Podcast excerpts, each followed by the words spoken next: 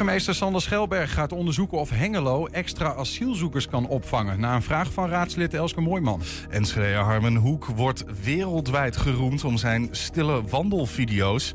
Hij is net terug uit de Himalaya's. We beschouwen voor op RKC tegen FC Twente met trainer Ron Jans.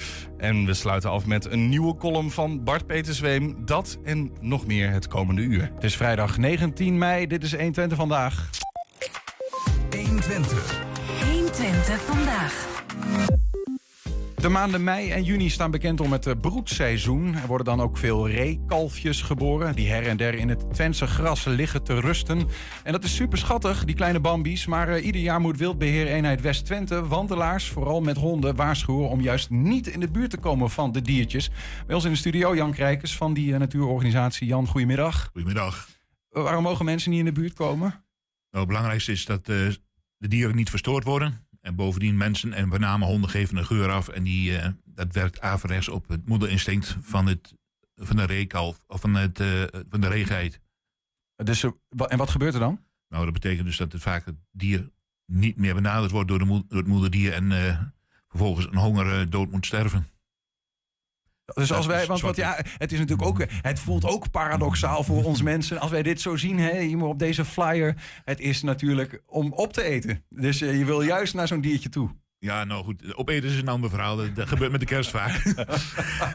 nee, maar ik snap het, is heel aandoenlijk, die uh, mooie reebruine ogen. Zo'n klein kalfje wat er schijnbaar hopeloos ligt. Ja. Maar dat is juist het, de, de manier waarop de natuur zo'n dier laat overleven... om het zogenaamd hulpeloos stil achter te laten. En dat heeft er dus mee te maken dat als wij dat dier aanraken, dan komen onze lichaamsgeuren erop. En dan ziet zo'n moeder of vader of wat is het, niet, dat kleintje niet meer als, als de zijne. En dat is... Nee, de, het ree is heel gevoelig voor geuren. En met name als het kalf een andere geur heeft dan het kalf zelf. Mm Hoewel het dier al heel weinig geur heeft van zichzelf. Om te zorgen dat het niet gevonden wordt door roofdieren. Mm wordt het toch niet herkend door de moeder als zijnde een veilig kalf van haarzelf. Dan is de moederbinding nog niet sterk genoeg, of moeder-kalfbinding nog niet sterk genoeg. Gebeurt om die het, angst. Gebeurt het veel, ja, sorry. Gebeurt het veel dat mensen dat, dat wel doen? Want ik, ja, ik, vooral als je er één ziet liggen hè, in het hoge gras en je toevallig, nou, dan is het toch super schattig om er even naartoe te gaan. Ja, of even een foto te maken. Maar blijf er uit de buurt als je het ziet. Bovendien is het niet zo gemakkelijk te vinden, want dan sta je er vaak al bovenop. Ze liggen onder het grote gra hoge gras vaak, of een beetje in de struiken, toegedekt. Mm uh, doet niet zozeer de moeder, maar het gras valt er overheen. En dat is eigenlijk beveiliging. Dus als je erbij staat, dan sta je eigenlijk al op een waarschijnlijk op een plek waar je helemaal niks te zoeken hebt. Ja, maar wat is het probleem met er dichtbij staan dan? Het dichtbij staan is dat je een geurspoor maakt als mens naar het kalf toe. En dat trekt, dat stoort sowieso de geit af, de moeder, het moederdier. Ja. En bovendien blijkt dat dat wel bijvoorbeeld de vos in het das kan volgen. Het spoor van, hé, hey, daar is wat.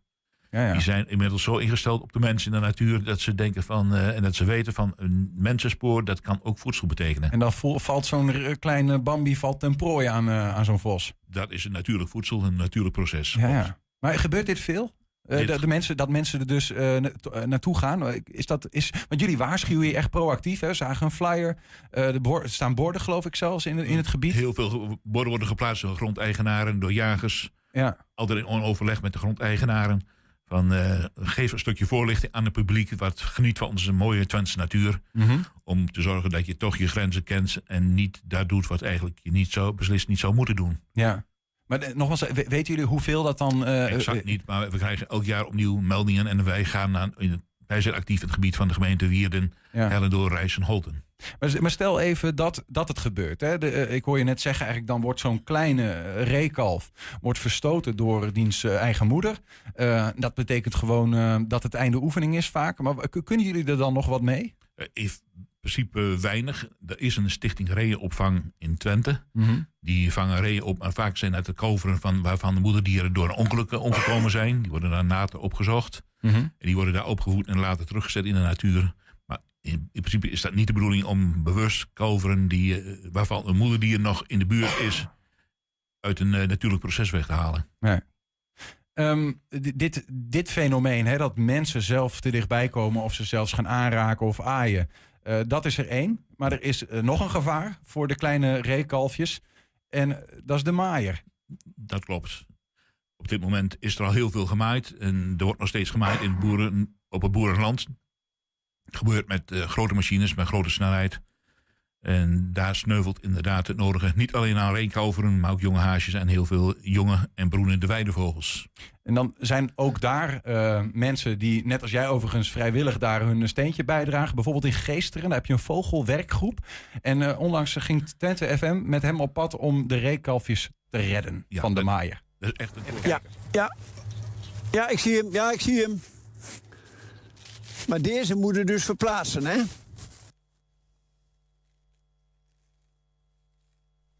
Dan zet ik hem hier in de roggen, goed? Dan gaan we hier er een eh, bescherming omheen zetten, zodat de boer straks kan gaan maaien. En dan laat hij hier een strook staan. En zometeen moet het rek weg en dan, eh, ja, dan zoeken ze elkaar weer op. Het is eh 100% geslaagd. Dat is mooi om te zien, toch? Ja, dat is een effectieve methode, maar het kost heel veel tijd en moeite. Ja. Vorig jaar hebben we het ook eh, bij proeven we een aantal plekken het zo toegepast. Alleen we hebben niet het kalf verplaatst. Maar waar het kalf was, rond eh, een hek gezet. Dat het daar bleef staan. Ruim eromheen laten maaien. Met medewerking van, eh, van de boeren, waar ze erg blij mee zijn. Mhm. Vervolgens het hek weggehaald. En zo eh, is de directe omgeving van de kalf is niks aan veranderd en kon het op de plek blijven. Ja, ik geloof Maar dat dus- deze vogelwerkgroep ook beide deed. Hè? Af en Ja. toe probeerden ze dat op die manier te doen. En af en toe, als dat niet anders kon, moesten ze verplaatsen. Ehm, dat is eh, voor hen vrijwilligerswerk. Voor jou is dit ook een vrijwillige baan? Dit is eh, ja, bijna een baan, maar het is vrijwilligerswerk. Dus overdag doe ik, eh, heb ik gewoon normaal werk en Wat, wat is je werk normaal? hovenier. Dus het groen. Ah, dat raakt wel inderdaad, ja. Ja. ja. Want wat, wat is een wildbeheereenheid eigenlijk, vroeg ik me af. Wat doe je dan? Dat is een vereniging van jagers, ooit jaren geleden opgericht, eigenlijk onder een vroegere jachtwet. Iedereen had een eigen jachtveld, dat hield op bij een slootje, bij een houtwalletje langs een weg. Maar het wild kent een veel groter leefgebied. En jagers hebben gewoon op een gegeven moment besloten van eh, wij moeten samen, we hebben samen een verantwoordelijkheid voor, een, voor het, eh, het handhaven van een wildstand. Mhm. Voor het bereiken van een bepaalde wildstand. En dat kun je niet alleen doen op een klein stukje. Dan moet je een heel groot gebied doen waar veel meer partijen een rol in spelen en waar we mee kunnen samenwerken.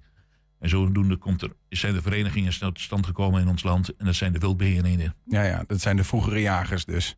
Eh, dat klinkt ook wat, wat vriendelijker, hè? Wildbeheer. Ja, klopt. Maar het is, het is veel breder. Ja, Het is ja. niet meer puur de jacht zoals dat eh 30, 40 jaar geleden was. Wa- wa- waar, komt die passie voor jou vandaan, dat je dit eh, erbij bent gaan doen? Eh, eigenlijk vanuit de genen. Dus het zit vaak ergens in de familie. En dan is het er niet uit te slaan. En als het dan gaat om die, om die reekalfjes, hè, eh, wat voor taken zie je dan voor jezelf? Want je zit hier nu om te waarschuwen. Eh, dus worden borden neergezet, dat doen jullie. Wat doe je eigenlijk allemaal op dat vlak? Eh, ik zelf ben eigenlijk, een stukje, doe een stukje voorlichting voor de vereniging. Ik ben een bestuurslid. Maar wel een beetje een vreemde eend in de bijt. Ik jaag niet. Dus ik ga niet met een wapen om, maar met een pen of een toetsenbord. Ja, ja, ja. ja. En is dat uit eh, onkunde of onwil? Nee, ik heb ooit gejaagd, maar daar ben ik mee gestopt. Door verschillende redenen. En je weet gewoon dat het belangrijk is. En als er een klik is met een organisatie, met het werk, met de taak. Dan, dan pak je op een gegeven moment dat op. Als we het hebben over dat, eh, waar we begonnen over te praten, hè, dus kleine reekalfjes die worden eh, aangeraakt of waar mensen dichtbij komen waarvan jullie zeggen doe dat nou niet, want anders worden ze verstoten. Ehm, eh, wat voor gebieden gebeurt dat? Waar, waar zijn jullie eigenlijk vooral actief aan het waarschuwen? Nou, het- beste kun je bebording aanbrengen bij de gebieden die eh, de bosbanen. Uiteraard staan bekende groene bordjes op, bijvoorbeeld honden aan de lijn, geen toegang voor zonsopgang en na zonsondergang. Dat soort borden, maar daar worden ze extra bij geplaatst. En dan zou je ook eventueel kunnen denken, maar dat hebben wij minder gedaan. Eh, daar hebben wij water, bijvoorbeeld een waterschap bij nodig. Die watergangen hebben vaak eh, maaiparen, die heel vaak recreatief medegebruikt worden. Niet altijd de bedoeling. En dat ontsluit ook heel veel van het boerenland. En reeën zitten niet puur in de natuurgebieden, maar ook erg veel in het boerenland. Dus waar we de mogelijkheden hebben om wat waarschuwingsborden te plaatsen, samen met bijvoorbeeld eh, terreineigenaren. Ja. Landschap Overijssel heeft zijn eigen bodem wat prima werkt. Nou, op die manier krijg je toch een netwerk waar je probeert de, de kerngebieden waar het meeste risico's zijn Ja. in Is, te brengen. is, die- is die bewustwording eh, eh, nodig bij mensen? Ja, ik wist dit niet, dus bij mij in ieder geval wel. Hè? Wat merk je daarin? Eh, het het klopt inderdaad. Het is vaak, als er wat gebeurt wat niet goed is, is dat vaak onbewust. Eh, mensen weten dat niet. Wat komt er in het buitengebied? Nou, de mensen die er wonen, in de, vanuit de dorpen. Maar kijken we naar de grote steden zoals Enschede. Ja. Er zijn dus heel, mensen, heel veel mensen al die geen relatie hebben, geen kennis hebben van wat er nu net buiten de bebouwde grond komen gebeurt. Nee, en dan net na corona horen we, zijn we ma- massaal, ook eh, stedelingen zijn de natuur ingetrokken. Dus dan zul je wel druk mee zijn geweest dan, om Ja, mensen te dat- vertellen hoe het wel en niet werkt. Dat Eigenlijk. klopt. Dat is heel veel verontrusting heeft dat het gevolg gehad. En dat, is, dat speelt nog steeds. Dus Ja. mensen blijven de natuur opzoeken. Heel begrijpelijk natuurlijk. Maar het moet wel binnen de beperken blijven. Ja. Ik hoorde je net ook zeggen, die honden hè, die aangelijnd moeten zijn. Eh, is, dat, is dat eigenlijk, eh, zou dat meer, want dat hoeft volgens mij niet overal. Is, is dat, of is dat standaard of in gebieden waar reeën in het gras zitten, honden aangelijnd? Nou, je hebt twee dingen. Je hebt de, de aanlijnplicht vaak binnen bebouwde kommen. Ja. Vastgesteld in de APV's van de gemeente. En in het buitengebied mag je ze in principe op de openbare weg los laten lopen. Alleen niet in het veld. Maar dat moet er wel kenbaar gemaakt worden. En eh, ga je dus vol, staan ergens borden waar honden aan de lijn moeten, of de toegangsborden die de groene bordjes langs de wandelpaden, dan ben je dus in de overtreding van de wet natuurbescherming. En het meest vervelende is als je een overtreding hebt van de wet natuurbescherming, dat is strafbaar gesteld is in de wet op de economische delicten. Dus krijg je, heb je kans dat je een sterretje achter je naam krijgt. Oh ja, zo heftig is het zelfs. Zo heftig is het. Dus nou ja, dank in ieder geval voor die oproep dan aan, eh, voor de reeën. Namens de reeën, maar ook namens die mensen die daar mogelijk, eh, nou ja, misschien zonder dat ze dat wisten, de fout in, eh, in gaan. Dit geldt denk ik niet alleen in West-Twente, hè, waar jij werkt. Dit geldt denk ik Nee, overal. Dus landelijk is dat Ja. een probleem. Precies. Eh, Jan Krijkers, dankjewel voor je komst en voor eh, deze waarschuwing hier. Graag gedaan. Succes verder. Dank. Zometeen, burgemeester Sander Schelberg gaat onderzoeken of Hengelo extra asielzoekers kan opvangen. 120. 120 vandaag. Het zonnetje schijnt en het regent vrije dagen. In De Hoeve zijn de zomerfeesten. In Hengelo het BAM-festival. En in Enschede het Twents Gitaarfestival. Kortom, het feestseizoen is begonnen. En het inspireerde ons eigen Frank voor een nieuwe stelling van de week. Pinkpop, Defcon One of de Zwarte Cross. Al deze festivals zijn gemiddeld 14% duurder geworden. Door inflatie en doordat artiesten de schade van corona willen inhalen. We hebben mensen ervoor over om nog zoveel geld te betalen voor een bisje of een snelle. Stelling van de week is, festivaltickets zijn te duur. Eh, ja, ja, tegenwoordig wel, ja. Belachelijk. Met die inflatie erbij hartstikke duur. Ja, nee. Ze zijn wel duur, ja, maar ik ga er wel naartoe. Tuurlijk. Ja. Nee. Nou, de munten zijn duur en zo. Ja, ik denk dat het een beetje een noodzaak is, toch? Voor de festivalmakers. Alles wordt duurder. Vind ik ja, aan de ene kant nog wel meevallen, maar zoals laatst ben ik naar de reactie geweest op de UT. Daar betaalde ik gewoon 50 euro voor een kaartje. Ja, dat vind ik het niet meer waard, maar dat is sowieso. En dan, als je kijkt wat je daarvoor drinken betaalt, dat vind ik al helemaal niet meer normaal. Ve- Festivals zijn nu ongeveer 40% duurder geworden. Is het niet te hoog? Ik ga er eigenlijk nooit echt heen. Ga je vaak naar een festival? Nee, daarom juist te duur. 80 euro. Is sommige mensen een weekgeld. Nou, ik ga alsnog. Jawel. Houdt jou niet tegen? Nee, mij niet. Ja, dat is heel veel. Zoveel geld. En eh, de, de lonen gaan niet zoveel omhoog. Dus nou, tel maar uit. Alles stijgt met de inflatie mee, toch? Iedereen moet betaald worden. En bedankt, hè? Iedereen moet betaald worden. Ja, Die tickets, ja. Als je nou naar een groot festival gaat zoals Defcon, vind ik het de prijs nog wel waard. Maar voor hier in de buurt eh, vind ik het niet waard. Echt niet. Nou, uiteindelijk als je erheen gaat en het is minder duur, moet je ook nog alle drank betalen. Dat is ook hartstikke duur. Dus eh, als je een laag budget hebt, is denk ik een festival niet de plek om heen te gaan. De artiesten, genoeg schade geleden door corona. Oké, ja. Wat vind je daar dan van? Ja, die zijn ook duurder geworden, denk ik dan. Want die maken ook meer omkosten. Heb je er begrip voor? Ja. Denk, ja, het is jammer. Maar ik ben geen festivalgaande, dus dan is het al wat lastiger om daar boos over te worden, toch? Ga je, ga je voor de artiesten naar een festival? Of? Ehm, af en toe wel. Nou ja, soms is het ook gewoon gezellig. Hun personeel is ook duurder geworden. De artiesten willen geld, hè? Ja. Heb je, heb je daar geen eh, medelijden mee dan? Nee, helemaal niet. Moeten de festivals eigenlijk niet toegankelijk worden dan voor iedereen? Ja, wel hoor. Maar stop maar ook, ga eten. Oké, joe, joe. Ja, zijn festivaltickets te duur? Julian, wij kennen jou als eh, groot eh, liefhebber van festivals. Ja, ik eh, ga per jaar ongeveer twee keer naar een festival toe. Dat probeer ik altijd wel, of naar concerten. Maar een grote ook echt, hè? Grote, Ja. Pinkpop en Rock Werchter dit jaar toevallig. Maar je- Wat voor, vind je? voor- ja, voor Pinkpop betaal je 240 euro voor vier dagen. Dus ergens vind ik dat nog wel... Ja, het- het is wel duur hoor, maar... eh, ik, ik ga nog niet zo heel lang. eh, ik denk nu een jaar of vijf misschien.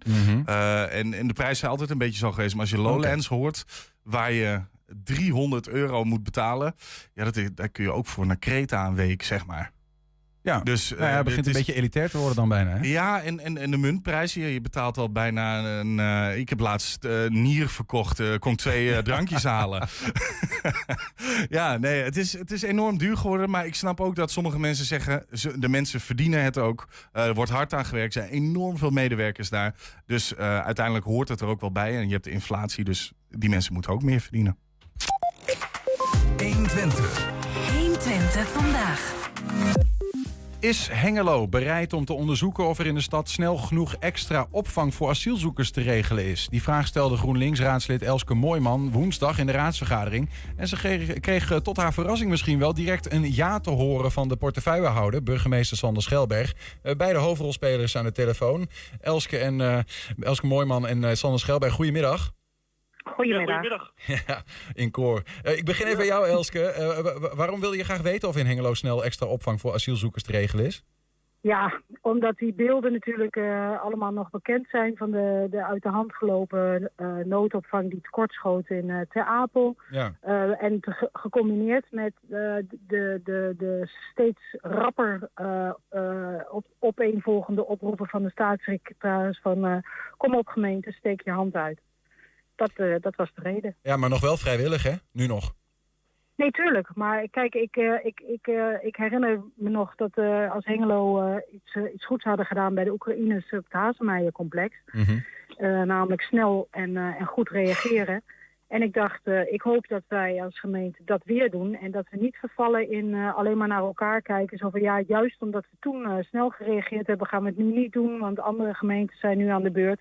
Wat misschien wel zo is. Maar dat is een politiek spel, terwijl het gaat wel over eh, mensenrechten. Burgemeester Schelberg, wa- wat was uw antwoord eh, op die, die vraag om een soort van proactieve stap in deze?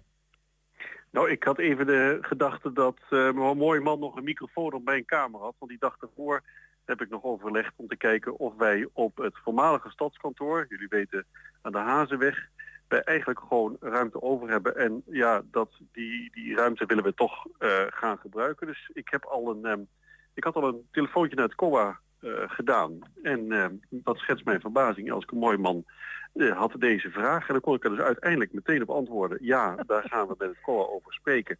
Want we hebben die ruimte. Het, het wa- het was al bijna in kannen en kruiken zelfs. Nee, nee, zover ook niet. Want ik zeg al een dag van tevoren. Dus dat gaat ook al eh, snel. Maar tegelijkertijd, je moet even kijken. We hebben aan de, op de Nijverheid hebben we voor een aantal Oekraïners eh, huizen. En die mensen mogen daar langer wonen. Maar we hadden al rekening gehouden op het, eh, eh, aan de Hazenweg... dat die mensen eigenlijk ongeveer nu al terug waren. Althans in de, op de Hazenweg zouden gaan wonen. Nou, dat is niet het geval. Die kunnen daar eh, nog, nog langer zitten. We hebben dus uiteindelijk gewoon ruimte. En precies zoals mevrouw Mooijman zegt, ja, als we nou die ruimte hebben en de nood is hoog, het gaat daar goed. We hebben al sinds 2015 vangen we als Hengelo veel op. En we hebben eigenlijk 0,0 problemen. We kunnen dat goed. Ehm, dus wij gaan dat, eh, we gaan dat nu aanbieden en daarover gaan we met het COA spreken. Onder welke voorwaarden en wanneer. Maar wa- wat, eh, dat vroeg me dan inderdaad af. Dan is eigenlijk de vraag om he- het onderzoek... eh, is dan toch een soort van al beantwoord? De- er is ruimte. Ja. Of, of wat valt er eigenlijk dan nog te onderzoeken? Nee hoor, het is, ja, de, de vraag was het onderzoek, maar het eh, antwoord was, eh, dat hoef ik niet, eh, wij gaan dat gewoon met het COA nu doen, want er is ruimte. Ja. Elske Mooijman, eh, wa- wat, wat dacht je daarvan toen je dat hoorde dat het allemaal al zo snel eh, ging? Nou ja, vooral ben ik daar blij om natuurlijk. Laat dat duidelijk zijn. Ik bedoel, het is de, het is de bedoeling dat, eh, dat mensen in nood een helpende hand geboden wordt. Dus eh, daar ben ik vooral gewoon heel blij om. En dat dit zo bleek te zitten, dat, eh, dat eh, voegde de heer Schelberg mij eh, na de raad nog even toe van... Ja, eerlijk gezegd was ik er al mee bezig. Ja, dat is, dan lijkt het bijna een 1-2'tje, maar dat was het niet. Maar ja, dat is dan zo. Dat is toch prima. Wat is dat, is, meneer Schelberg, is, is dit iets waar in principe u als portefeuillehouder nou ja, met het COA gewoon over kan praten en, en het dan kan doorvoeren? Of is dit nog iets wat elke beslissing op dit gebied, hoe klein het aantal asielzoekers er ook om gaat, dat dat nog via de raad moet? Nou, kijk, strikt formeel heb ik ehm, ook in 2015 waren er twee plekken in Hengelo, aan de Willemstraat en aan de eh Havenzaat, Havenzatengebouw, die allebei een bestemming hebben wonen. Dat maakt dat het COA dat kan huren en dan eigenlijk met de burgemeester overleggen, we willen daar graag een asielzoekerscentrum hebben, maar ze hebben al het recht om daar mensen te plaatsen. Nou, eh, we, we werken wel zo dat dat in goed eh, overleg gaat. We hebben met de gemeenteraad ook over de Hazenweg eh, gehad. En zeggen, ja, we willen eigenlijk daar ook Oekraïners eh, huisvesten. En de, in de loop der tijd hebben we ook crisis noodopvang nood, eh, nodig eh, gehad. En ja, daar hebben we ze eigenlijk bij geplaatst. Met deze raad is het wat dat betreft net als met de Hengeloze bevolking... dat ze eigenlijk goed openstaan voor het, ehm, ja, het helpen van ontheemden... om het maar eens met een mooi woord te zeggen. En ik heb daar altijd heel goed met de Hengeloer over kunnen praten... maar ook met de gemeenteraad. Ja. Breed. En je hoorde nu ook bij de vraagstelling van eh, mevrouw Mooijman... was er geen andere partij die zei...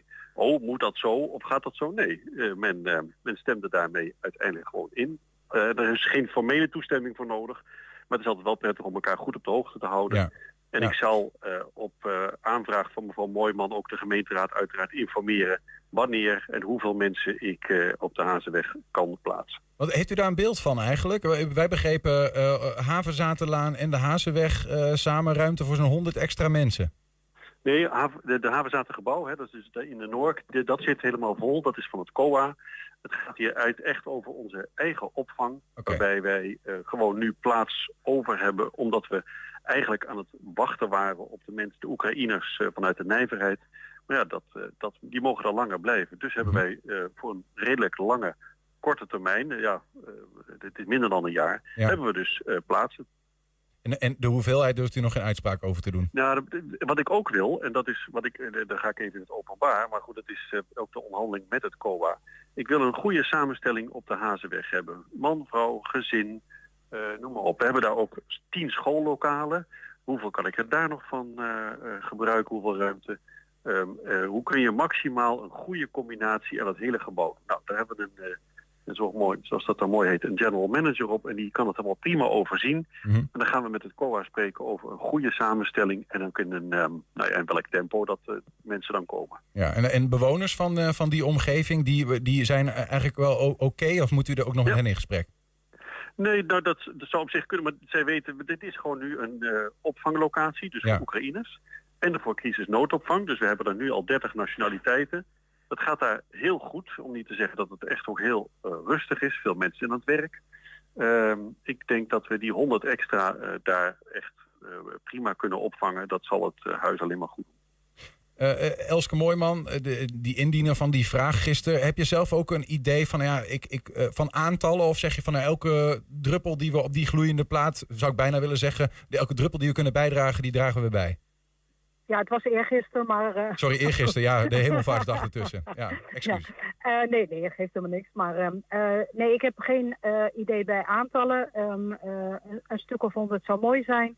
Inderdaad, elke, elke opvang is er één. Dit gaat echt over mensen in nood. Dus elk mensen in nood is er één. Ehm, eh, het, het moet ook inderdaad maar passen. En als het zo mooi past, dan is dat prima. En dan zeg ik niet, nee, het moeten er 105 zijn. Kijk, eh, ehm, het, het kan zomaar dat we over twee maanden in een andere situatie zitten. Dat ik zeg, ja, eh, we moeten veel meer doen, want... eh, maar op dit moment denk ik, ja, elk aanbod is één en eh 100 is een heleboel. Zolang er maar geen mensen in Ter Apel buiten hoeven te slapen. Wat de Nou staatssecretaris je- overigens gezegd heeft, dat hij ten koste van alles dat wil voorkomen. Nou, tuurlijk, tuurlijk. Maar dat wilden we vorig jaar ook met z'n allen. En Ja. dat is toch niet gelukt. Nee, en nee. toen was het ook toegezegd. En toen, desalniettemin is het niet gelukt. En heeft het Rode Kruis daar in moeten grijpen. Wat natuurlijk echt, eh, echt onmenselijk is. Ja. Eh, nee, ja, maar kijk, ik vind wel dat Hengelo niet in het spel moet komen van we willen niet iets doen omdat een andere gemeente eerst aan de beurt is. Maar aan de andere kant kunnen we ook niet vanuit Hengelo het, het hele probleem in Ter Apel voor zijn. Dus, Nee. Eh, dus eh, ik hoor u zeggen van zolang er maar niet in Ter Apel. Nou ja, zo zit het niet. Het moet wel op een goede manier kunnen. Maar dit, ja, dit klinkt toch als een hele goede manier. Duidelijk. Eh, tot slot dan, meneer Schelberg. heeft u een beeld van wanneer u dan dingen met de COA, van het COA gehoord heeft... Dat, ja, dat het mogelijk al een stap verder genomen kan worden aan de Hazenweg? Oh nee, dat kan natuurlijk heel snel gaan, want de, de, de nood is hoog. Men zal dat ook snel mogen en kunnen doen, omdat het ook al, al ingericht is. Dus men kan eigenlijk eh, vanaf de dag van morgen, maar ik wil het ook geleidelijk eh, gaan doen. Dat is ook het verzoek aan mij eh, gedaan. En dus, nou, dat, gaan we, ik ga de raad erover informeren. Het is echt heel vers van de pers wat dat betreft. Dus de, Het eerste telefoontje is gepleegd. Ik heb ook de voorzitter van de regietafel Twente geïnformeerd. Waarbij ik ook tegelijkertijd daarmee heb gezegd, ook daar, dit zal wat mij betreft, we doen al wat ons gevraagd wordt. Dus Hengelo voldoet aan de aantallen die we eh, eigenlijk ook moeten doen. Dit is daar een kop op, dit is extra. En dat moet ook voor Twente extra zijn. Dus dat betekent ook niet dat, dat Twente en Overijssel per saldo daardoor nu opvangplaatsen gaan verschuiven. Dit Kan leunen op Hengelo. extra. Ja, precies. Nou ja, Ehm, dit moet een extra zijn. helder. Eh, burgemeester Sander Schelberg en ook eh, Elske Mooijman, raadslid in Hengelo. Dank voor, voor jullie toelichting en succes ermee. Graag gedaan. Fijn weekend. Dank. Zometeen Enschedeer Harmen Hoek wordt wereldwijd geroemd om zijn stille wandelvideo's. Hij is net terug uit de Himalaya. 120. 120 vandaag. Nog twee speelrondes te gaan in de eredivisie en er zijn al wat beslissingen gevallen. Zo zijn de twee rechtstreekse degradanten bekend en heeft Feyenoord zich inmiddels tot kampioen gekroond. FC Twente lijkt zo goed als zeker play-offs voor Europees voetbal te gaan spelen. De ploeg staat inmiddels stevig vijfde en kan die klassering dit weekend bij winst op RKC officieel veiligstellen. Hoe gaat het binnen het team? Hoe is de sfeer? Hoe staan jullie erop? De sfeer is eh, net zoals het weer. eh, prima. Ja, dan eh, misschien dat die wedstrijd van vorige week... eh, nou ja, zal in ieder geval de gemoederen eh, goed doen, denk ik. Ja, nou ja, dit vragen ze keer weer wat, je, wat je thuis doet, kun je dat uit ook. Nou ja, de laatste wedstrijden uit hebben we bij Emmen gewonnen. Dus dat moeten we eigenlijk doortrekken. Maar dat was, het was NEC was echt een heel, heel goed niveau. En eens kijken of we dat weer kunnen brengen. Ja, als je het hele seizoen eh, nou, een beetje op terugkijkt... waar staat die wedstrijd dan ongeveer qua, qua beste wedstrijden? Nou, ik, ik, ik, ik vind het nog niet. eh, ik vind het nog te vroeg om terug te blikken. Dus eh, hou, de vraag alsjeblieft nog twee weken vast. En dan, dan, dan komt het antwoord komt het ook. Alleen het is heel moeilijk kiezen tussen. want als, als het wat langer geleden is en het was goed, dan ben je geneigd om dat te vergeten. Maar we hebben heel veel goede thuiswedstrijden gespeeld. Ja, qua hoe staan jullie erop? Eh natuurlijk ook altijd even benieuwd wie er niet bij zijn. Nou, in ieder geval eh, mis jij Prupper. De vraag is dan even, hoe lang kan Mees Hilgers inmiddels aan? Ik denk de hele wedstrijd. Dan eh, geen problemen dan daar achterin. Nee, nou ja, we moeten wel kijken omdat we Max Bruns ook nog niet binnenboord hebben. Eh, we, we daar iets moeten doen, dan wordt het wel improviseren. Daar heb jij al wel ideeën over, denk ik. Ja, dat is, eh, daar hebben we zeker. eh, het, het zijn allemaal eh, eh, wel logische dingen, maar het zijn niet centrale verdedigers die daar dan gaan staan. Prupper, Bruns hoor ik je al zeggen, die is er nog niet bij. Verder, Alles compleet. Deze wedstrijd, ja, nog twee natuurlijk te gaan. Ehm, zie je dit als de wedstrijd waarin jullie die vijfde plek eh, ja, binnen moeten halen? Ja, dat, eh, we hebben vanmorgen al een eh, voorbespreking gehad van, van RKC en wat we wilden trainen, hoe we willen spelen. En dan heb ik dat ook benoemd. We moeten dit weekend, het moet eigenlijk het weekend zijn dat je de vijfde plaats veilig stelt.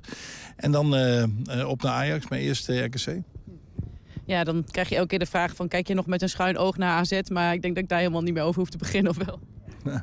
Eh, nou ja, vorige, vorige week dan, dan doe je dat en dan, na een kwartier staat het al 3-0. Nee, dat, eh, nou, eerst maar eens eh, zelf doen. We gaan ervan uit dat we play-offs spelen. En mocht het niet zo zijn, ja, dat, dat zou geweldig zijn. Stel, jullie winnen, de vijfde plek is, nou ja, is binnen.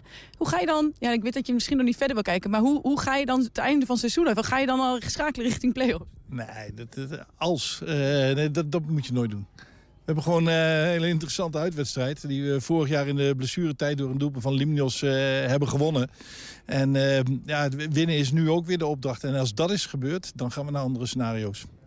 Over die vijfde plek, ja, het is natuurlijk mooier een plek hoger dan zesde. Maar in hoeverre is voor jullie ook heel belangrijk... dat je dan in eventuele play-offs de return thuis speelt? Ja. Voor, mij persoonlijk maakt het eh, niet zoveel uit. Alleen als je ziet hoe wij thuis presteren... en ik denk als wij play-offs spelen dat, de dat het stadion weer eh, uitverkocht is... of bijna uitverkocht. Dus, dus ja, ik zie dat wel als een voordeel.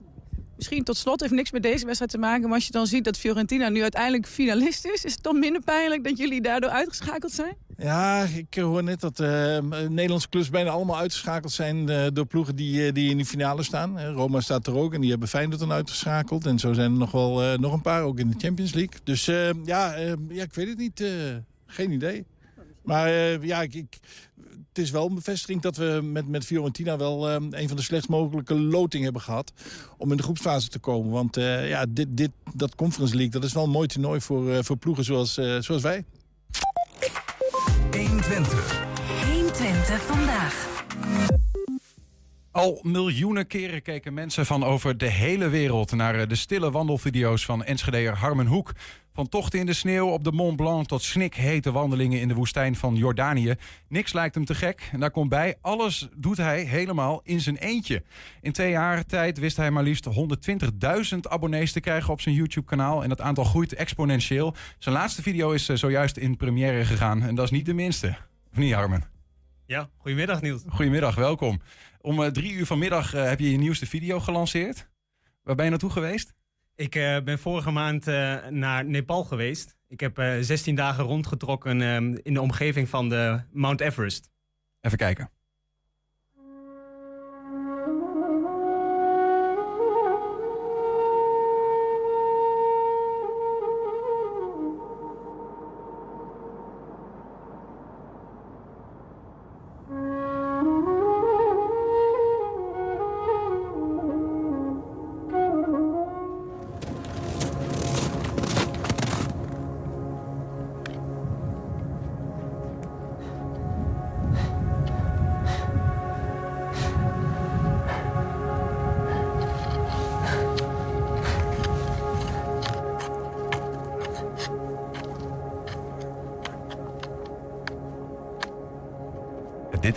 De experience, hè? want eh, het zijn stille video's.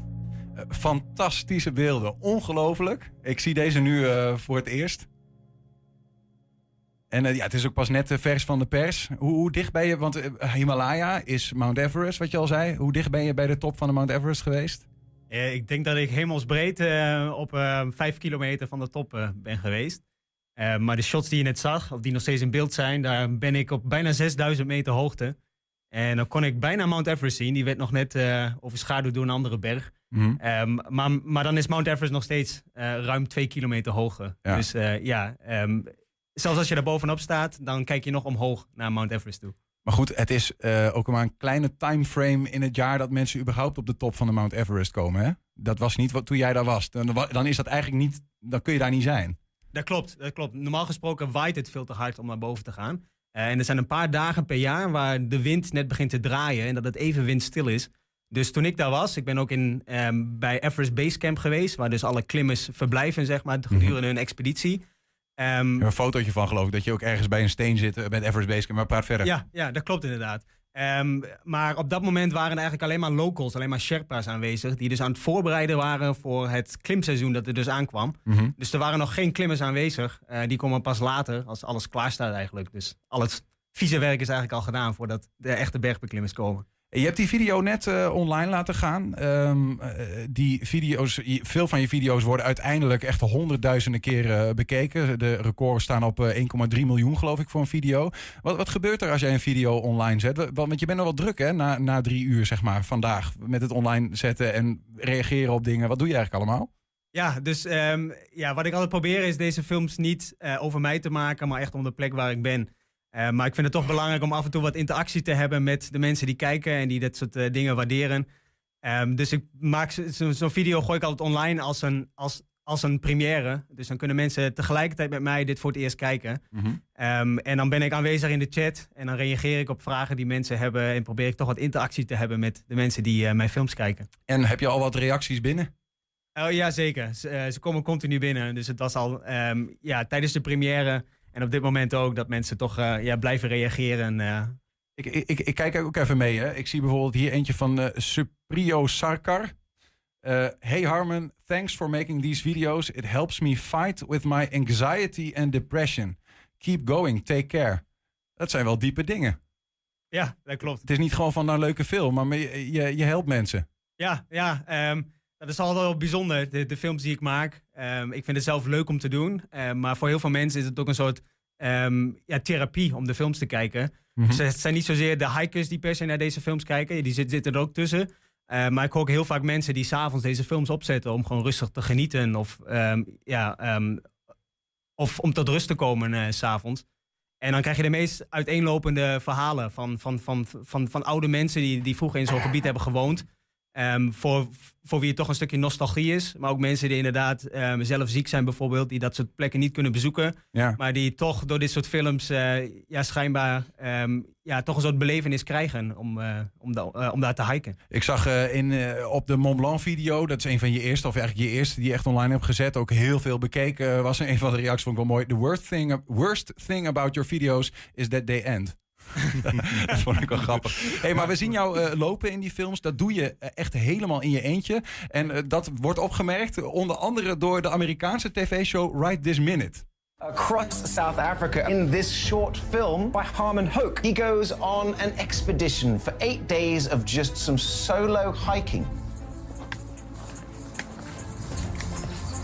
It is a very beautifully shot, calm, serene video. That's soul cleansing. That's this kind of deep spiritual medicine that you can only get by a place like that. Found a pretty good campsite right around here, actually. Does come with a relatively good view. Maybe you guys would enjoy this uh, with your morning coffee. Oh, Did he need to pitch the tent? Come on, he had natural cover. Yeah, but there's actually quite a bit of rain while he's out there as well. Some pretty beautiful storms roll in. He's obviously taken a lot of fantastic camera equipment with him, and that he's very often hiking twice as far as he should because while he's off in the distance walking away, he has, of course, to come back and get that camera. And it's that kind of dedication to this film that really elevates it. Mag ik beginnen met te zeggen, wel fantastische beelden opnieuw. Hè? Het Zuid-Afrika dit keer echt eh, ongelooflijk. Maar dit is wel interessant. Het is sowieso grappig natuurlijk dat je hier gewoon door die gasten besproken wordt. Hoe was dat? Eh, ja, dat was wel grappig, ja. Ehm, ze, ze, ze hebben het echt gedaan op zijn Amerikaans. Dat is wel, eh, wel mooi. Ja, echt eh, de, de superlatieven vliegen je om de oren. Maar goed, soms ook wel terecht denk ik. Bedoel, het zijn echt hele mooie beelden. En het doet wat met mensen, dat zeg je net ook. Ehm, maar wat die man daar opmerkt, is natuurlijk wel interessant. Jij doet dat in je eentje. Dus dat betekent ook eh, dat je inderdaad regelmatig heen en weer loopt om je camera weer op te halen. Want soms zien we je echt wel een kilometer verder weglopen. Ja, dat klopt. Eh, dat hebben mensen niet altijd door. Maar in principe. ehm, ehm, maar alle shots die je ziet, ehm, die neem ik zelf op. Dus ik heb een, een statief bij me met een camera of een drone. En dan zet ik de camera vaak neer en dan loop ik ergens in de afstand. En dan kom ik weer terug om de camera op te halen.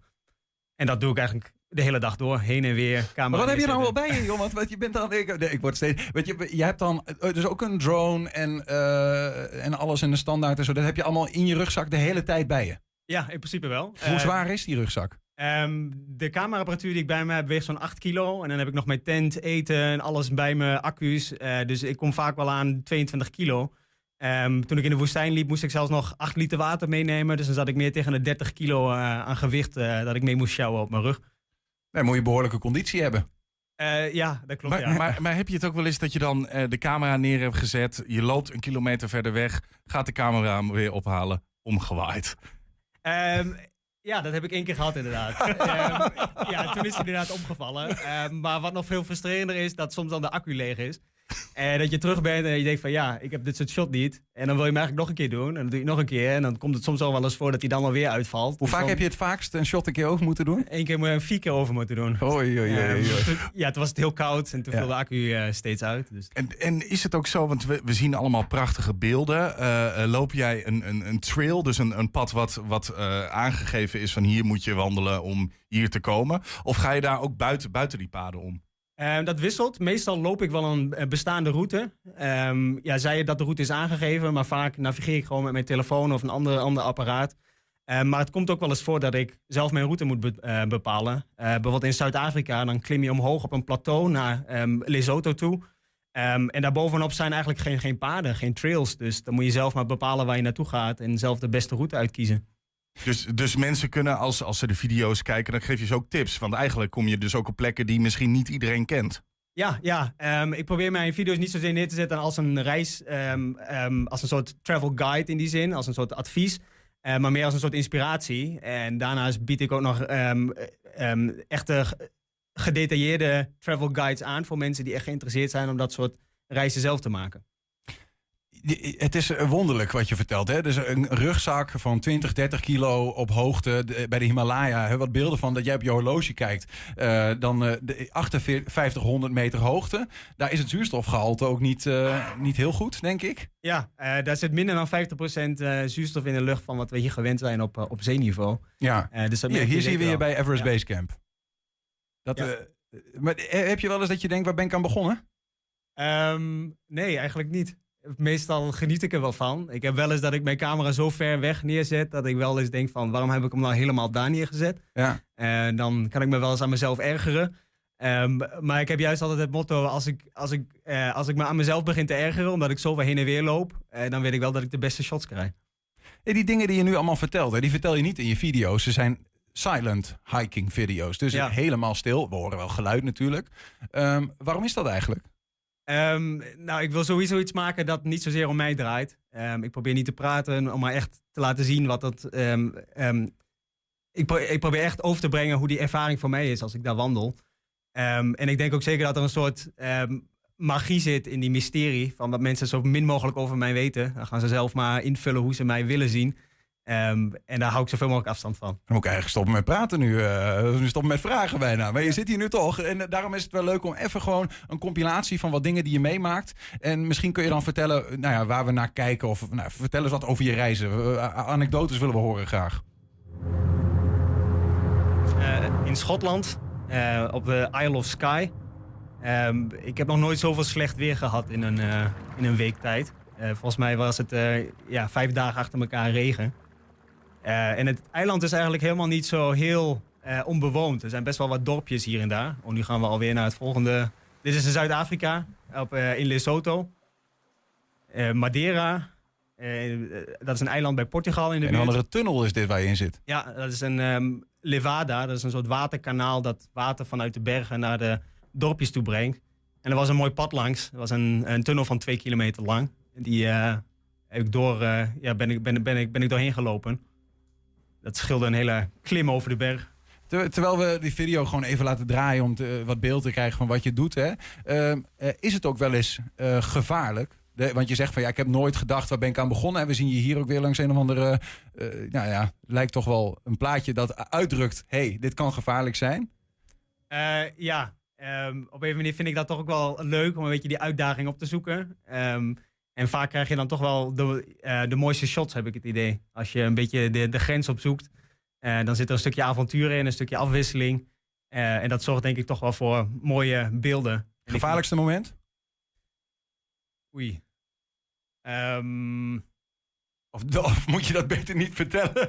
Omdat er mensen meeluisteren die dat niet leuk vinden. Dat kan natuurlijk nee, ook nog. ik, ik denk... Ik, ehm, Nou, we zien ja, hier een beer. foto, ja, dat was in, eh, in de Verenigde Staten. Eh, daar kwam ik een beer tegen met, eh, met, met jonkies. Ja. Eh, de jonkies die renden weg, maar de moeder die, eh, ja, die bleef staan en die keek me maar aan. Die was niet onder de indruk van mijn eh, geschreeuw om haar weg te jagen.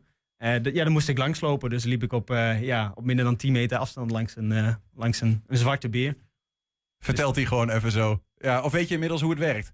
Eh, ja, ehm, ondertussen weet ik wel hoe ik moet reageren. En zwarte beren zijn niet zozeer de meest gevaarlijke beren. Dus als je weet hoe je ermee om moet gaan, dan, eh, dan zijn ze meestal niet gevaarlijk. Hey Harmen, wij kennen jou als een hardloper hier in Twente. Hè? Je wint nog wel eens een hardloopwedstrijd. Je zat hier eerder een keer omdat je tweede was geworden bij de eh, corona-editie. Wil je misschien niet horen dat je tweede was geworden, maar bij de corona-editie van de Single Loop Enschede. Ehm, hoe, hoe ben je hier zo in bij terechtgekomen? Je doet dit nu twee jaar, die wandelvideo's maken. Ja, ik, eh, ik denk dat het een combinatie is van ehm, ehm, blessures. eh, vaak geblesseerd en dan zoek je toch iets anders om te, om te gaan doen in de tussentijd. Ehm, en ik heb voor mijn studie een tijdje in de Verenigde Staten gewoond. En daar ben ik begonnen met het eh, ja, rondtrekken in mijn eentje. Dus had ik een auto omgebouwd tot een soort kleine camper. En dan ging ik gewoon vier weken rondrijden naar Canada, naar Yellowstone en dat soort dingen. En toen is het eigenlijk begonnen dat ik in mijn eentje ging rondtrekken. En dat heb ik eigenlijk doorgezet naar het hiken. En zo langzamerhand ben ik dat ja, steeds vaker gaan doen. Nou ja, en met succes. Mag ik even een paar statistieken opnoemen? Eerste video, mei 2001, op de Mont Blanc, de Tour de Mont Blanc, gewandeld in de sneeuw, nota bene. Was niemand behalve jij volgens mij. Eh, nu eh, 14 wandelvideo's gemaakt, totaal 6.920.317 weergaven, mind you. 120.000 abonnees. Eh, dat, dat is nogal wat, hè? Had je dat verwacht toen je begon? Of was het gewoon voor de leuk? Eh, nee, had ik niet verwacht inderdaad. De eerste video heb ik geüpload puur om aan vrienden te laten zien wat ik had gedaan. En op een manier pikte het YouTube-algoritme het op en bleken mensen het leuk te vinden. En toen ben ik het steeds vaker gaan doen. Kun je geld ermee verdienen?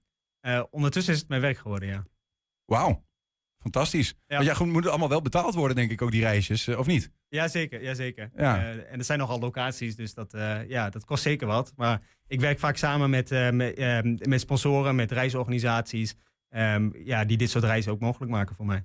Ik ga nog even een reactie uh, voorlezen van, uh, van iemand. Um, much like someone might stare at the painting and feel deep connections and emotions inside, that is how I felt watching this video. It connected with my spirit on so many levels. This video is a gift.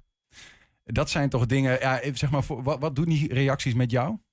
Um, ja, het is wel, ik, ik vind het toch altijd wel uh, bijzonder om het te lezen. Dat mensen het ja, toch op een, op, een, op een of andere manier zoveel raakt. Dat ze ook nog um, een reactie willen plaatsen en dat willen uiten naar mij. Dus dat kan ik zeker wel waarderen. Want vaak zit ik achter de computer en ben ik die video aan het bewerken. En dan krijg je heel weinig informatie van buitenaf. En dan als je een video online zet, uh, dan merk je pas um, de waardering die mensen hebben voor, um, voor wat je doet.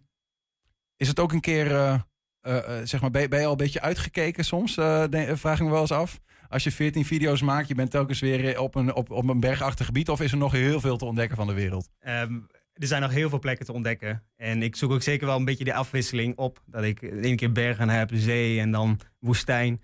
Uh, en, dat, uh, en dat maakt het wel dat het leuk blijft, uh, leuk blijft om te doen. Wat is de eerstvolgende plek waar je naartoe gaat? Um, Noorwegen over een paar weken. Naar het noorden van Noorwegen. Oh, kijk. Met het noorderlicht en zo. nou, de zon gaat niet onder in, in de zomer. Dus uh, ik krijg waarschijnlijk geen noorderlicht te zien. Ja, maar succes met slapen dan duidelijk. Dankjewel. en veel plezier. Succes met je video's. Gaan bekijken. YouTube.com slash apenstaartje is dat. Harmenhoek. Uh, dat is uh, vrij simpel de naam om te onthouden. Harmen, ja. dankjewel voor je komst. Heel veel plezier nog ja, met wat je gaat doen. Dankjewel. Zometeen hier de column van Bart Petersween. En we zijn ook als podcast te luisteren. Je kan ons vinden op 120 Vandaag. Zie je de hele aflevering. En op 120 Vandaag uitgelicht. Daar zie je een klein item uit het programma. Dus zo kun je eigenlijk niks missen van wat wij iedere dag doen. En die is iedere dag uh, op alle podcastplatforms te vinden. 120. 120 Vandaag. Feest afgelopen woensdag in Metropool Enschede. Hier vierde Popacademie Artes haar 20-jarig jubileum. Zes zaaltjes gevuld met dansende en soms ontroerde muziekliefhebbers... hebben daar een avond gehad om nooit te vergeten. Het is tot nu toe al een hele leuke dag. Inderdaad net een reunie. Dus we weer zien met alle mensen die hier de afgelopen 20 jaar hebben gestudeerd. Dus dat was heel erg gezellig. En nu gaat het festival uh, losbarsten. De eerste bands zijn al begonnen. En buiten staat al vol met mensen die lekker hebben gegeten, bijgekletst. We verwachten een, een volle tent. En uh, ja, het is een gratis festival met mega veel leuke acts die hier de afgelopen jaren hebben gestaan.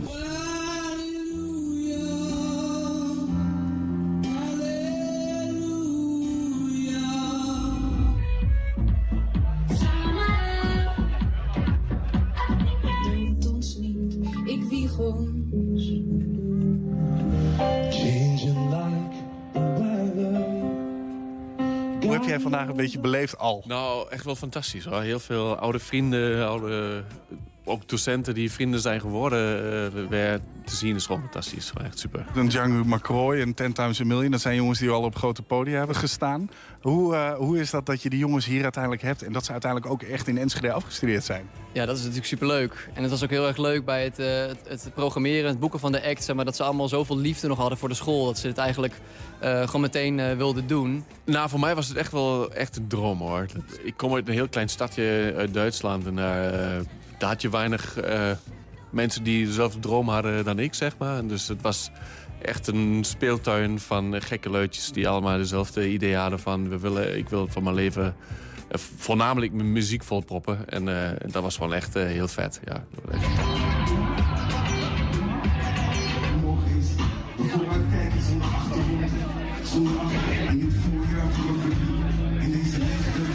Juist vooral leuk dat de, de huidige studenten ook weer bij kunnen kletsen met mensen die hier 15 jaar geleden zaten. We hebben ook nog een projectweek de afgelopen drie, jaar, of drie dagen gehad waarin ze dat allemaal konden doen. Dus die halen heel veel inspiratie en heel veel leren van mensen die op dezelfde plek stonden 15 jaar geleden. Maartje, 20 jaar Popacademie Artes. Jij zit momenteel op de opleiding. Uh, jij staat hier vanavond ook te spelen. Uh, heb je er een beetje zin in? Ja, zeker. Zeker. Ik heb er heel veel zin in.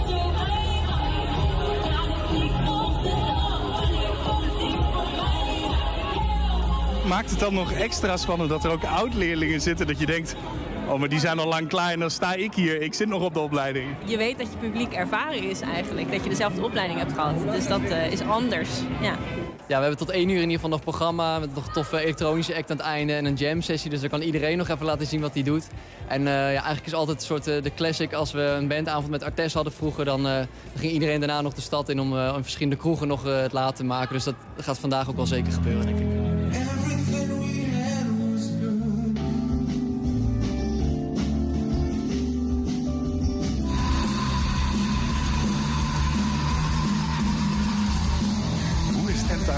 Ontstaan op de popacademie? Nou, we waren eigenlijk altijd wel een clubje die, die doet tentamens.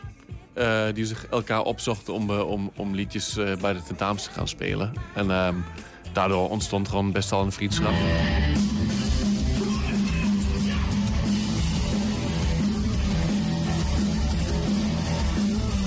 Het is de basis, het blijft de basis. En, en Pinkpop was echt wel geweldig.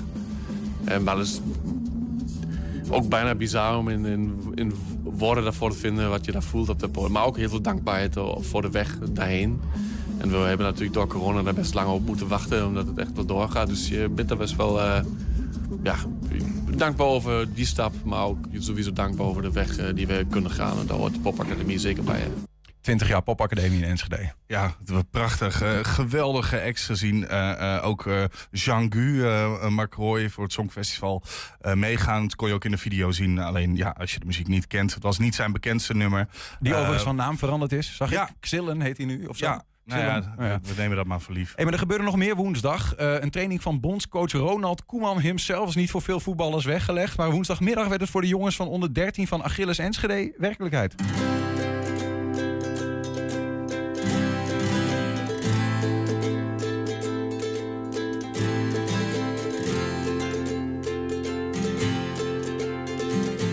Ronald Koeman hier in Enschede bij Achilles. Vertel.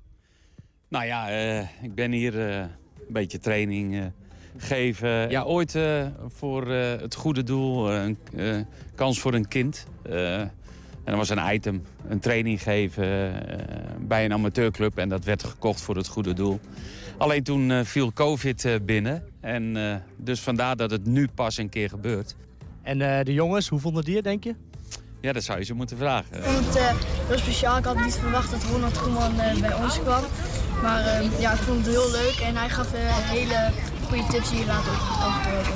Dit was een beetje anders voor de jongens. Natuurlijk Ronald Koeman erbij. Maar eh, ja, super gaaf voor de, voor de jongens om, om dit een keer mee te maken. En eh, leuk dat hij, hier- dat hij hier was. Dus eh, ja, gaaf. Natuurlijk eh, altijd leuk als de bondscoach eh, langskomt. En, eh, hij, sloeg, hij was ook even bij de training af en toe. Even rond, rondkijken. En eh, af en toe wat dingetjes dat hij zei. Dus dat is altijd leuk om, om te horen.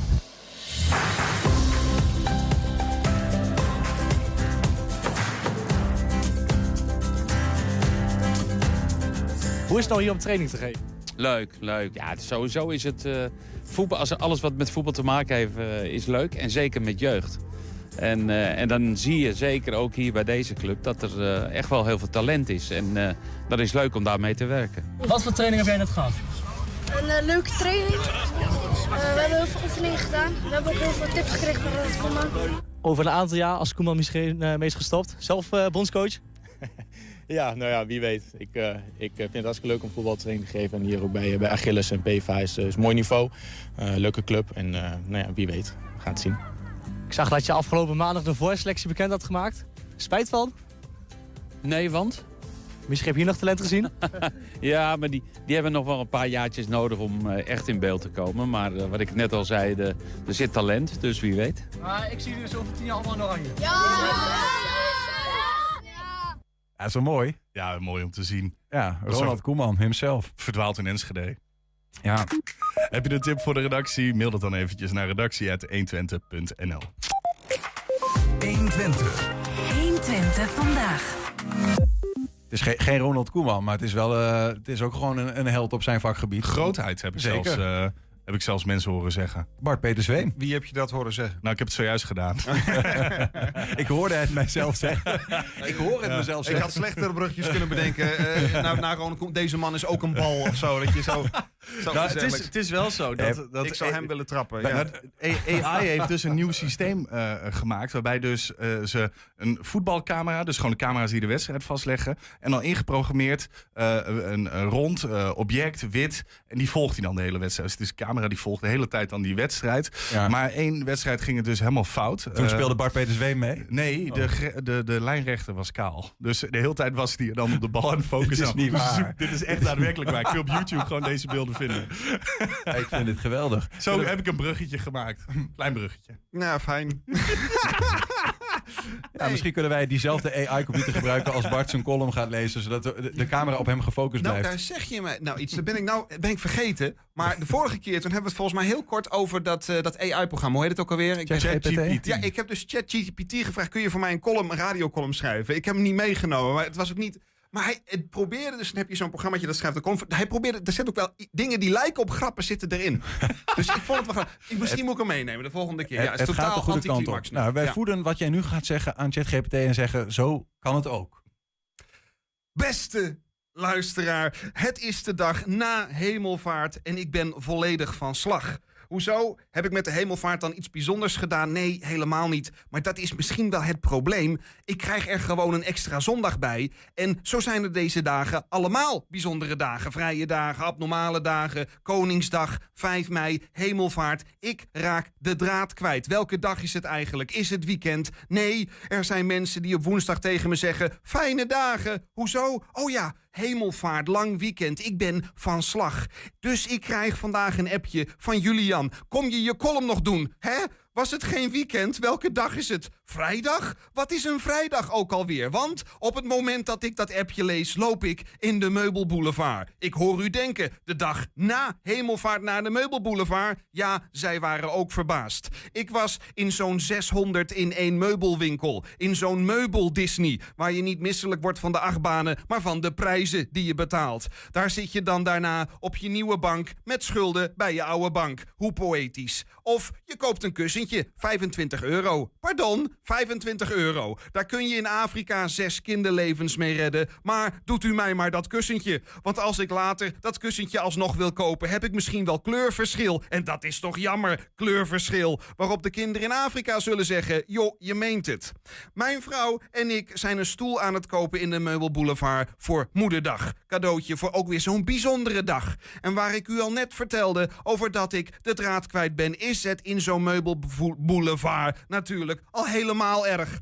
Op het moment dat ik die app krijg, ben ik elk besef van tijd en plaats kwijt. Want zo werken die meubelboulevards. Ze maken je eerst helemaal kapot, totdat je huilend op het dichtstbijzijnde meubel neerploft. Dan neem ik deze wel. Goed meneer, u kunt daar afrekenen. Je dwaalt daar rond in die 600 in één winkel. Hoe het buiten is, geen idee. Zie je daar misschien nog wat zonlicht? Nee, dat is de lampenafdeling. Hoe laat is het? Ik begin wel honger te krijgen en daarom is er ook een restaurant. Maar op een gegeven moment word ik ook moe. Daar is de beddenafdeling en ja, dat bed ligt dan wel heel lekker. Natuurlijk ligt dat lekker, dat bed, na urenlang doelloos rondzwerven. Als ik nu op een berg slachtafval was gaan liggen, had dat ook lekker gelegen. Nooit geweten dat slachtafval zo lekker kan liggen. Oh, en het kost maar 4000 euro. Nou, dat valt toch mee in deze verder uitlichtloze situatie, uitzichtloos. Doet u mij maar deze berg slachtafval voor 4000 euro. Natuurlijk wel geïmpregneerd tegen vlekken. Ja, 500 euro erbij. Dat is toch niks? Oh, Pardon, en natuurlijk 50 euro extra, want er moeten ook nog twee kussentjes bij. Ik begrijp inmiddels heel goed dat mensen met Pasen en Hemelvaart naar de Meubelboulevard gaan. Natuurlijk, dat is om zelf het christelijk lijden te ondergaan. Daarna komt de verlossing, de trots, ik heb het overleefd. Net als dat ik ook weer buiten ben gekomen. Met net te weinig tijd om een column te schrijven. Ik hoor nog net op het begin van dit radioprogramma straks weer een nieuwe column van Bart Peter Zweem. Nee hoor, geen stress. Ik heb net ook de Meubelboulevard overleefd. Dan kan dit er ook nog wel bij. En dit was dus mijn column Fijne Dagen of Fijn Weekend. Eh, welke dag was het nou ook alweer? Ik krijg een berichtje. Ja? Van ene chat GPT. Hij is in de war. Zo hoort het blijkbaar. Bart Petersveen, dankjewel. Dat brengt ons bij het einde van deze uitzending van 120 vandaag. Terugkijken kan meteen of vanavond op tv. We gaan er weekend uit. Zometeen hier Julian Vriend met Veilig is voor je vrienden op de radio. Veel plezier, goed weekend. Dag. 120. Weet wat er speelt in Twente. Met nu het nieuws van 5 uur. Goedemiddag, ik ben Robert-Jan Knook. Justitie zal alles op alles moeten zetten om de zaak rond te krijgen tegen de verpleger... die zegt dat hij 20